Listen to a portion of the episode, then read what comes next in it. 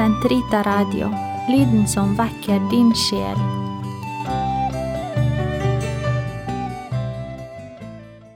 Kroppens teologi, en kommentar til pave Johannes Paul 2.s onsdagskatekeser av Eirik Ambrosius Stenhoff.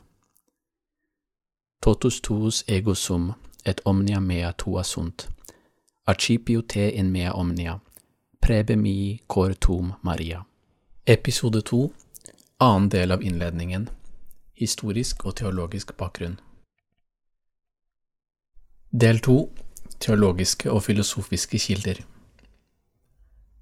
Høsten 1940 beordret den lokale nazi-administrasjonen den 20 år gamle Karoloi Tyva til hardt fysisk arbeid for Solvay, en kjemikaliefabrikk i Krakow-området. Etter okkupasjonen av Polen året i forveien var livet for polakker flest blitt stadig hardere. Nazikommandanten Hans Frank hadde inntatt Wavel slott og utstedte derfra sine ordre, med en overordnet visjon om at, citat, det minste spor av polsk kultur skal elimineres. Til slutt vil alle polakker dø ut. Det vil aldri igjen finnes et Polen. Sitat slutt. Okkupasjonen gikk hardt utover den katolske kirke, som av nazistene ble identifisert med en polsk nasjonalfølelse og dermed som en trussel. Ved krigens slutt var en tredjedel av den polske geistlighet drept. Deltakelse i katolske ungdomsforeninger som den levende Rosenkrantz-gruppen til Jan Tyranovskij var strengt forbudt. Alle slike aktiviteter måtte finne sted under grunnen. Det samme var tilfellet ved universitetet. I november 1939 ble 184 professorer deportert til Sachsenhausen som et ledd i nazistenes forsøk på å utrydde polsk kultur og intellektuelt liv. Men mange gjenværende professorer fortsatte å undervise studenter i det skjulte, blant dem Wojtyła. Hans hverdag var preget av streng rasjonering og hardt fysisk arbeid om dagen, og studier eller ungdomsmøter om kvelden. Fra 1940 til 1941 jobbet han under svært krevende forhold i en kalksteingruve, en halvtimes gange fra hjemmet i bydelen Debniki i Krakow. Fra høsten 1941 til 1944 jobbet han i kjemikaliefabrikken ved Borek Faweski. Det var under de lange nattskiftene ved fabrikken at han fordypet sin marianske spiritualitet. Han begynte å lese Saint Louis de Montforts verker, som vektla Marias betydning som den første disippel. Gjennom hengivenhet til Kristus gjennom Maria kan hver kristen trofast leve ut sitt oppsløfte, med utgangspunkt i Marias fiat. Det er fra de for at Maria-dedikasjonen Totus Tuos kommer. Jeg er helt din. Det skulle senere bli Voityvas motto både som biskop og pave. I 1942 overrasket Karol Wojtyła noen av sine venner med å tre inn i det hemmelige presteseminaret i Krakow erkebispedømme. Først studerte han filosofi, og særlig tomistisk filosofi, ved siden av å arbeide heltid på kjemikaliefabrikken. Denne filosofien tar sitt navn etter dominikaneren St. Thomas Aquinas, og hadde en nærmest enerådende stilling i den katolske kirke frem til i midten av 1900-tallet. Året etter krigens slutt, på alle helgensdag 1946, ble Wojtyła ordinert av kardinal Sapieha. To uker senere reiste han for å studere til en teologisk doktorgrad ved Dominikanernes universitet i Roma, Angelicum. Der skrev han om karmelitten Johannes av Korsets mystiske teologi under den berømte pater Reginald Garrigou Lagrange. I 1948 vendte han hjem til Polen og drev pastoralt arbeid i forskjellige menigheter, før han høsten 1951 igjen fikk anledning til å studere til sitt habilitasjonsskrift, en avhandling som kvalifiserer til undervisning i universitetssystemet i land som Polen og Tyskland. Her var det den fenomenologiske filosofen Max Scheler som var studieobjektet. Jeg vil si noe om disse tre grunnstenene i Wojtywas intellektuelle formasjon. Først noen ord om den tomistiske filosofi. I episode 1 del 2 hørte vi om pavens senere vurdering av denne filosofiens fortrinn, over den kartesianske bevissthetsfilosofi som er kommet til å prege moderniteten. Stikkordet for tomismen er, er væren, på latin esse. For unge Voityva ga tomismen først og fremst en anledning til å beskrive tingenes virkelighet. Og ikke bare tingene i den ytre verden, så å si, men virkeligheten i moralske bud og den menneskelige persons virkelighet og virkeligheten kjærligheten selv.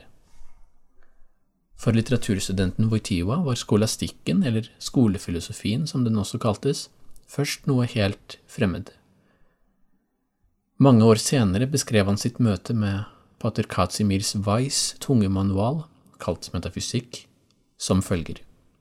Sitat. Jeg opplevde at jeg brått var kommet til et hinder. Min trening i litteratur, som var orientert rundt humanistiske fag, hadde ikke forberedt meg overhodet på de skolastiske tesene og formlene som manualen var fylt med. Jeg måtte skjære meg vei gjennom en tykk underskog av konsepter, analyser og aksiomer, uten engang å være i stand til å gjenkjenne bakken som jeg beveget meg over. Etter to måneder der jeg hakket gjennom denne vegetasjonen, kom jeg til en lysning, til oppdagelsen av de dypere begrunnelsene for det jeg inntil det øyeblikket bare hadde levd og følt. Da jeg passerte eksamen, fortalte jeg sensoren at for meg var denne nye visjonen av verden som jeg hadde fått i løpet av denne kampen med metafysikkmanualen, mer verdifull enn karakteren jeg hadde fått. Jeg overdrev ikke.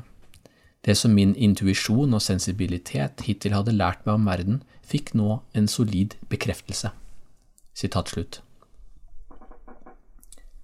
Så hva betyr denne oppdagelsen av atomismen i praksis for Votiva? Et av de viktigste anliggender for ham var å gi menneskeverdet en objektiv forankring som skapte Guds bilde. Det var selvsagt et særlig akutt problem i en tid med radikal dehumanisering av ulike folkegrupper og funksjonshemmede, som førte til folkemord på en industriell skala. For Voityva ga tomistisk filosofi en mulighet til en slik objektiv forankring. St. Thomas Aquinas definerte den menneskelige person som en individuell substans av en rasjonell natur. Det er ikke først og fremst selvbevissthet som en moderne filosofi, men en selvstendig eksisterende substans, altså en enhet av kropp og sjel, av en rasjonell natur. Bare mennesket er av en slik natur. Det har fri vilje og selvbevissthet som gjør det i stand til å begripe sannheten og gjøre etisk gode valg og problemet med en moderne tolkning av mennesket som en ren selvbevissthet, et jeg som konstituerer seg gjennom å tenke at det er et jeg, det er nettopp at den objektive, altså metafysiske, forankringen for personen forsvinner. Det blir vanskelig å hevde at mennesket er skapt for sannheten, eller argumentere for en objektiv moralsk sannhet, eller eksempel at kroppen på en signifikant måte er uttrykk for personen eller at sjelen er forma corporis, kroppens form eller iboende mening, for å uttrykke det med tradisjonen. Wojtyła så store fordeler med den tomistiske måten å tenke på, som et korrektiv til moderne bevissthetsfilosofi og subjektivisme. Men vi må også merke oss en viss ambivalens hos Voityva, både overfor tomismen og overfor moderne filosofi. Fokuset på menneskets indre, dets erfaringer og subjektivitet hadde nemlig også mange fordeler ved seg. Som vi beskrev i forrige episode, begynner onsdagskatekesen om kroppens teologi nettopp med erfaring. For Wojtyła var det viktig å gi menneskelig erfaring stor vekt som en del av den teologiske metoden, på en måte som den slett ikke fikk i den variant av tomistisk filosofi som ble undervist frem til Det annet Vatikankonsil. I et senere essay bemerket Voitiva at St. Thomas' begrep om bevissthet bare var liksom en frukt av den rasjonelle natur, uten noen selvstendig eksistens, og ble forstått ganske objektivistisk. Dette var nok en av grunnene til at Voityva i 1951 begynte å studere Max Scheler, som døde i 1928 da Voityva var åtte år gammel. Scheler var student av Edmund Husserl, kjent som fenomenologiens far. Fenomenologien dreier seg, som navnet vel tilsier, om fenomenene og menneskets erfaring av dem. I så måte var den opprinnelig tenkt som en respons til Descartes' subjektsentrerte filosofi. For sjeler var fenomenologien en metode som kunne anvendes for å komme til hjertet av menneskelig erfaring og etikk. Sjeler var særlig opptatt av å finne en måte å forankre etikken på gjennom en fenomenologisk analyse av affeksjoner eller følelser. For ham fantes det ingen helt objektiv betraktning av virkeligheten. All erfaring av forskjellige ting er allerede preget av det vi føler for tingen. Denne ladede erfaringen av ting lot ifølge oss identifisere dets verdi, positiv eller negativ. Sjelers forsøk på å gi etikken en objektiv forankring på en måte som samtidig begynner med vår erfaring, virket nok tiltrekkende på Wojtyła. Men han konkluderte til slutt med at selv om Sjelers fenomenologiske metode hadde mye for seg, var konklusjonene ikke adekvate. Den manglet for ham den objektive og metafysiske forankringen i væren som enhver kristen etikk må bygge på. Schelers personalisme, hans filosofi om personen, led særlig under dette.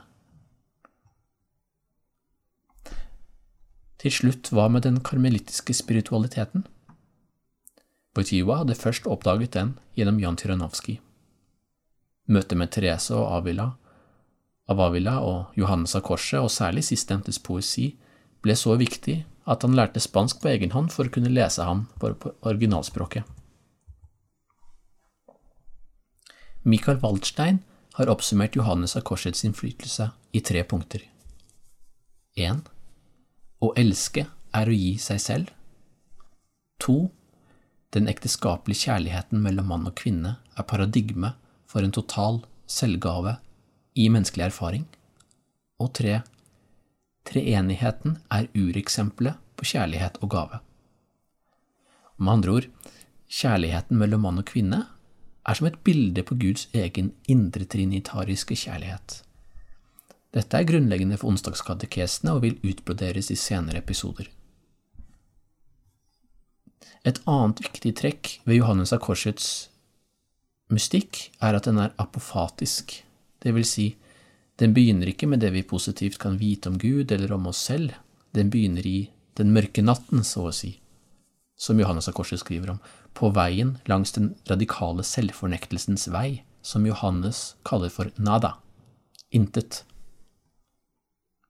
Avhandlingen om Johannes av Korset handlet om spanjolens trosbegrep. Troen er, som det heter med en tradisjonell formulering, både fides que creditor og fides qua creditor, troen som det tros på, og troen som det tros ved. Den har altså både en objektiv og en subjektiv dimensjon. Den mystiske tradisjonen, kan vi si litt forenklet, vektlegger den subjektive dimensjonen.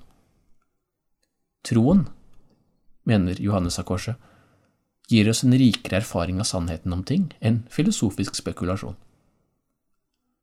Men dette betyr ikke at vi derigjennom begriper Gud slik han er i seg selv, snarere at han tar bolig i oss, og at vi gradvis omdannes gjennom ham og gjøres lydhøre for hans vilje. Denne relasjonen mellom Gud og menneske beskrives av Johannes av Korset som en bruderrelasjon, der to som elsker hverandre, og det var vi som var elsket først, kommer sammen i fullstendig selvhengivelse. Gave. Rocco Butilione påpeker at dette har flere konsekvenser for Voitiwas antropologi.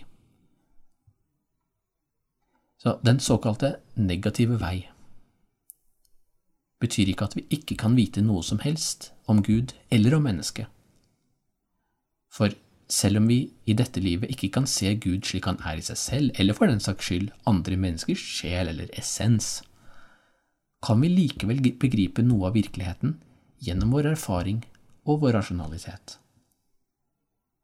Først og fremst, skriver Bottiglione, gjør en såkalt negativ antropologi oss i stand til å bekrefte at mennesket aldri kan objektiveres eller gjøres til en gjenstand for vår teknikk, nettopp fordi det dypest sett er et uutgrunnelig mysterium.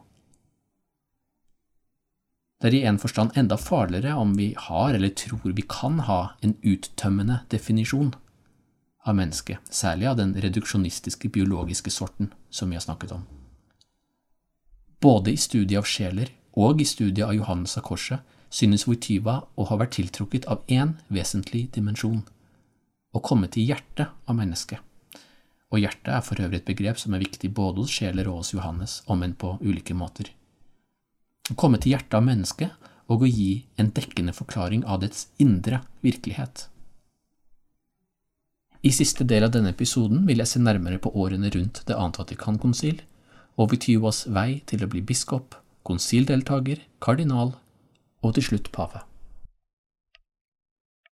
Gloria patri et filio et spiritui sancto, sicut erat in principio et nunc et semper, et in saecula saeculorum. Amen.